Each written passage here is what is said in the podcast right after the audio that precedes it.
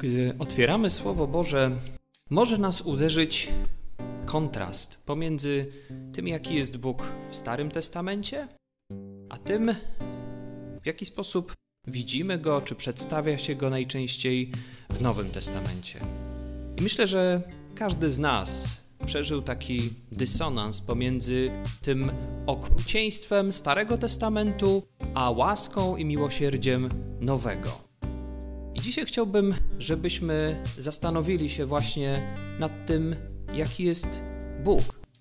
Czy jest Bogiem miłosierdzia, jakim najczęściej pragniemy go widzieć, czy jest Bogiem okrutnym.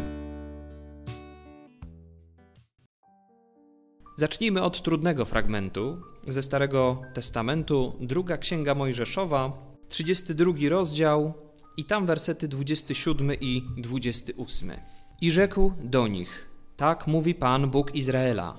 Przypatrzcie każdy swój miecz do boku, przejdźcie tam i z powrotem, od bramy do bramy w obozie i zabijajcie każdego, czy to brat, czy przyjaciel, czy krewny.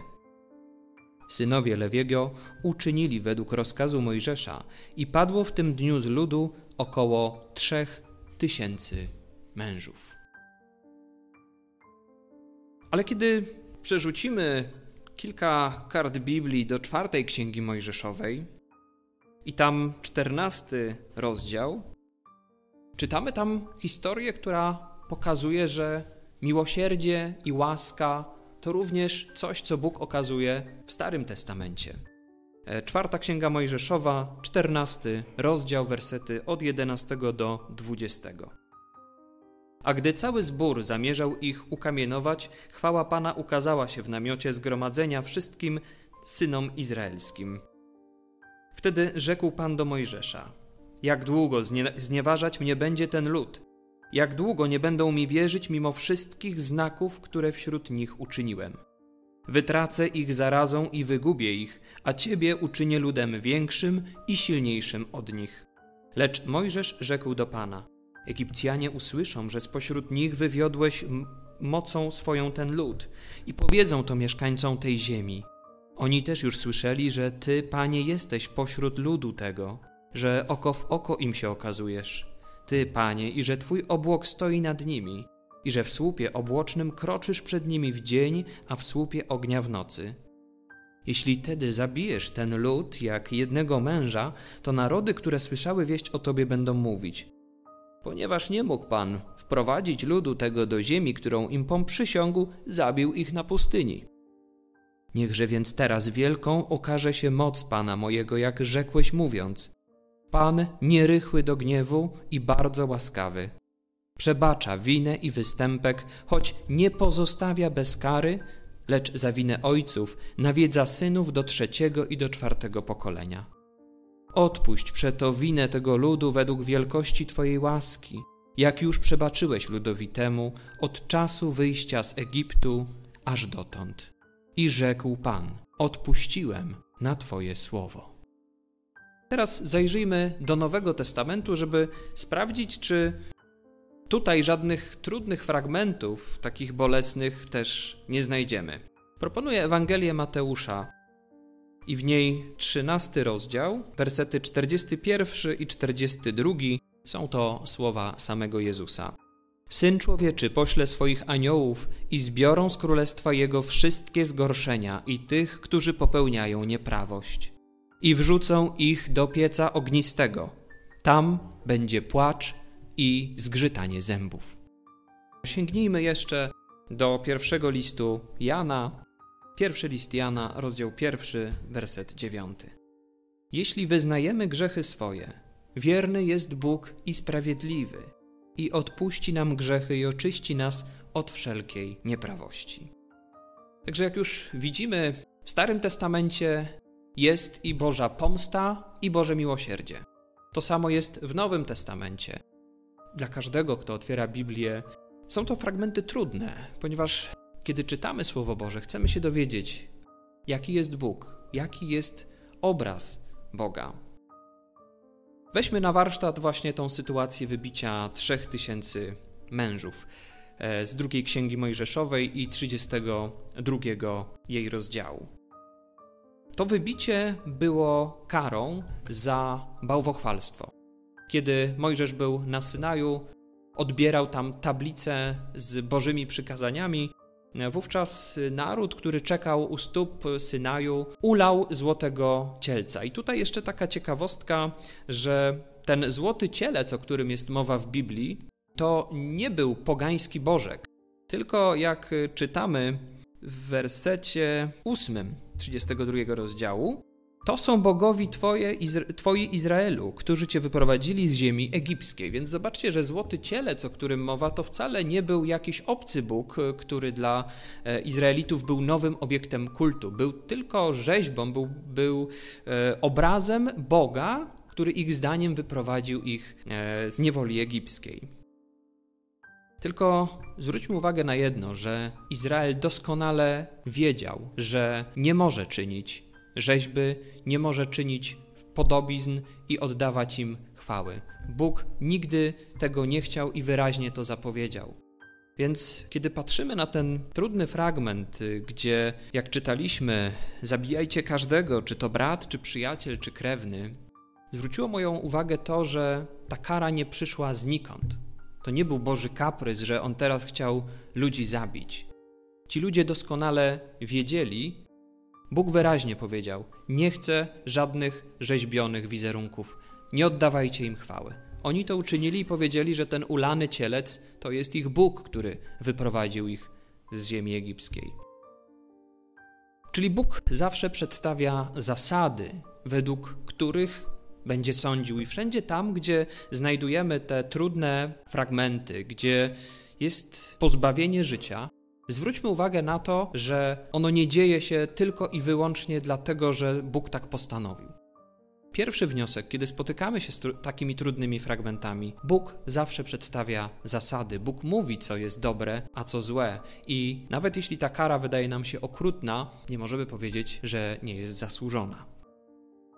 Ten fragment, który przytoczyłem, 27 e, i 28 werset, on pokazuje już pewną decyzję, ale chciałbym zwrócić Waszą uwagę na jeszcze jedną rzecz, że Bóg daje szansę. Bo kiedy spojrzymy na werset wcześniej, 26, tam czytamy tak: Stanął Mojżesz w bramie obozu i zawołał: Kto jest za Panem, do mnie. I zebrali się wokoło niego wszyscy synowie Lewiego. Czyli były ustanowione zasady, nie wolno czynić rzeźb, nie wolno oddawać im chwały. Izraelici dopuścili się tego bałwochwalstwa. Mojżesz na polecenie Boże chce wyegzekwować, że tak być nie powinno, że naród wybrany ma być narodem świętym i odłączonym od tego zła. Ale pomimo zła, które Izraelici popełnili, jest jeszcze szansa ocalenia. Mojżesz staje w bramie obozu, więc w miejscu publicznym, i woła: Kto jest za Panem do mnie? I to jest druga lekcja, która myślę, że warto byśmy wzięli ją sobie do serca odnośnie tych fragmentów dotyczących Bożego gniewu. Po pierwsze, ludzie, którzy tam byli, znali Boże oczekiwania, a po drugie, nawet jeśli je przekroczyli, Bóg dał im szansę, żeby jednak stanęli po Jego stronie i po stronie Jego słusznych zasad. Ale ktoś może powiedzieć, no ale tak tylko raz Mojżesz zawołał, a jak ktoś nie słyszał, może coś tam gotował zupę w tym czasie i nie usłyszał, że y, można się ocalić. Zajrzymy w takim razie w inne miejsce, również Starego Testamentu, który wydaje nam się taką księgą okrutną. Księga Jeremiasza, 25 rozdział i wersety 3 do 7. Jeremiasz 25, 3 do 7. Od trzynastego roku Jozjasza, syna Amona, króla judzkiego, aż do dnia dzisiejszego, to jest przez dwadzieścia trzy lata, dochodziło mnie słowo Pana, które głosiłem wam nieustannie, ale nie słuchaliście. Posyłał też Pan do was nieustannie i gorliwie wszystkie swoje sługi, proroków, ale nie słuchaliście. I nie nakłoniliście swojego ucha, aby słuchać. A mówił, nawróćcie się każdy ze swojej złej drogi i swoich złych uczynków, a będziecie mogli mieszkać w ziemi, którą Pan dał wam i waszym ojcom od wieków na wieki. Nie chodźcie za cudzymi bogami, aby im służyć i oddawać im pokłon. I nie pobudzajcie mnie do gniewu dziełem swoich rąk, a nie uczynię wam nic złego. Lecz wy mnie nie posłuchaliście, mówi Pan, pobudzając mnie do gniewu dziełem swoich rąk ku waszej zgubie. I dalej są wersety, które zapowiadają niewolę babilońską, przyjdzie plemię z południa pod e, dowództwem króla e, Nabuchodonozora czy Nebukadnezara, w zależności od przekładu, i nastanie 70 lat e, niewoli. Jeśli patrzymy na samą niewolę, czytamy te fragmenty, e, szczególnie z księgi Jeremiasza, treny, gdzie Jerozolima upada, e, gdzie gwałt na ulicach, krew się leje, wchodzi to obce wojsko, jak Bóg mógł na to pozwolić? Ten fragment, który czytaliśmy, pokazuje, że Bóg chciał nas uchronić przed tym. Chciał uchronić ludzi, którzy tam żyli. I zobaczcie, to nie były jednorazowe ostrzeżenia. On mówi: Od czasów Jozjasza przez 23 lata. Prorocy, słudzy, oni wam mówili: nawróćcie się, wróćcie do mnie. Dawał im szansę. I nawet wtedy, kiedy zło było popełniane w jawny sposób, w księdze Izajasza wiele czytamy, co to były za grzechy: oszustwa, niesprawiedliwość społeczna, wyzyskiwanie, zatrzymywanie zapłaty swoim robotnikom i wiele innych rzeczy, plus całe jeszcze bałwochwalstwo, które miało miejsce. Bóg nazywa to wprost to też nie są jakieś mm, oczekiwania Boże nie do spełnienia. On mówił wprost: Nie chodźcie do tych gajów oliwnych oddawać cześć innym bogom. Ja jestem waszym Bogiem, mówi Pan. Widzimy Boga, który przedstawia zasady, który daje szanse, który nawołuje do nawrócenia, który bardzo konkretnie nazywa dobro i nazywa zło. Bóg nie jest okrutny, ale jest konsekwentny, bo Żebyśmy mogli komuś zaufać, to musimy rozpoznać go jako człowieka wiarygodnego. Przypomnijcie sobie, czy lubicie kontakt albo załatwiać coś z ludźmi, którzy zmieniają zdanie, którzy raz mówią, że coś zrobią, potem tego nie wykonują, albo bez zapowiedzi czynią coś, co nas zupełnie zaskakuje. Myślę, że tutaj historia wprowadzania różnych restrykcji jest dobrym przykładem. Nagle z dnia na dzień coś zamykamy, coś otwieramy. No jest to sytuacja, w której trudno rozpoznać kogoś, kto wydaje taki nakaz, jako kogoś wiarygodnego, godnego zaufania. Z Bogiem jest inaczej. Na pewno kojarzycie ten fragment, w którym Bóg mówi, że On nie uczyni nic, dopóki najpierw nie zapowie tego przez proroków. Możemy Mu zaufać, bo jest spójny bo robi to, co zapowiedział. I przyjmijmy tą perspektywę Bożej konsekwencji wtedy, kiedy patrzymy na te trudne fragmenty biblijne. Bóg powiedział: To jest złe, tak nie czyńcie, możecie się uchronić w ten sposób, ale wybór należy do nas. Warto jeszcze raz sobie porządnie ustawić pewien obraz Boga, który mamy. Pozwólmy Bogu być Bogiem, bo przykazanie nie morduj znane popularnie jako nie zabijaj, ono jest dla nas. To my nie mamy prawa odbierać ludziom życia, cokolwiek by się nie działo. Ale Bóg, Stwórca, On jest dawcą życia i On może o nim zadecydować. Więc błędem jest przykładanie naszej ludzkiej miary, kiedy mówimy nie zabijaj, to to się odnosi do nas. Ja nie mam prawa pozbawić ciebie życia ty nie masz prawa, nie masz prawa pozbawić życia mnie. Ale Bóg to nie jest trochę lepszy człowiek. Bóg to nie jest jeden z nas. Bóg jest Bogiem, który to życie dał i On ma prawo zdecydować o tym, kiedy i w jaki sposób to życie się zakończy. Pozwólmy Bogu być Bogiem. I nawet w tych trudnych fragmentach, które czytamy i mówimy, to jest ten Bóg, Bóg, o którym mówimy, że jest miłością, czy on może takie rzeczy robić? Tu giną dzieci, tu giną kobiety.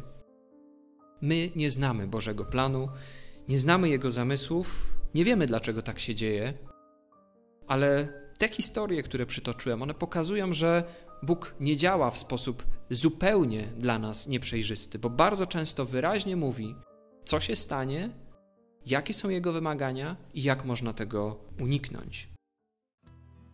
I tutaj przypominają mi się często cytowane słowa z księgi Izajasza, rozdział 55 i wers 8. Bo myśli moje to nie myśli wasze, a drogi wasze to nie drogi moje, mówi Pan. Bóg nie ma upodobania w tym, żeby postępować okrutnie, bezwzględnie. Bóg chce naszego nawrócenia. Bóg mówi, jakie są Jego wymagania co do naszego życia. Bóg mówi, jaka jest droga do zbawienia. Przez przyjęcie wiary w to, co uczynił dla nas Jezus. I tu znów Boża inicjatywa i Jego miłosierdzie. Bo cokolwiek byśmy nie mówili o tych fragmentach, nawet jeśli ich nie potrafimy przyjąć, to przerasta nasze zrozumienie. To najwyższym dowodem tego, że Bóg nie jest okrutny, a miłosierny, jest przyjście na świat i dzieło naszego Pana i Zbawcy Jezusa Chrystusa, który grzech, śmierć wziął na siebie i zniszczył na krzyżu. Przeczytam jeszcze raz fragment z Księgi Ezechiela, rozdział 18 i wers 23.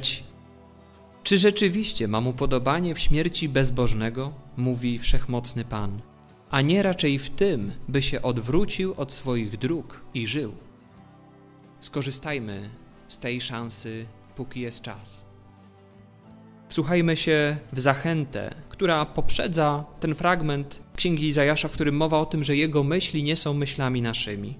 W Księdze Izajasza 55, wersety 6 i 7 czytamy to wezwanie.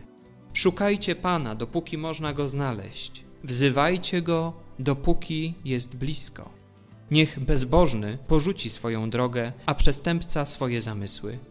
I niech się nawróci do Pana, aby się nad nim zlitował, do naszego Boga, gdyż hojny jest w odpuszczaniu.